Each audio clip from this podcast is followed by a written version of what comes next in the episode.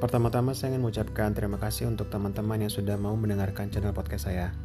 Sedikit pengantar, channel podcast ini saya beri nama Menolak Ponis Gagal.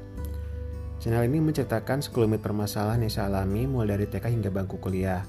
Bagaimana saya memaknai menyikapi suatu permasalahan dan bagaimana menghadapi permasalahan tersebut.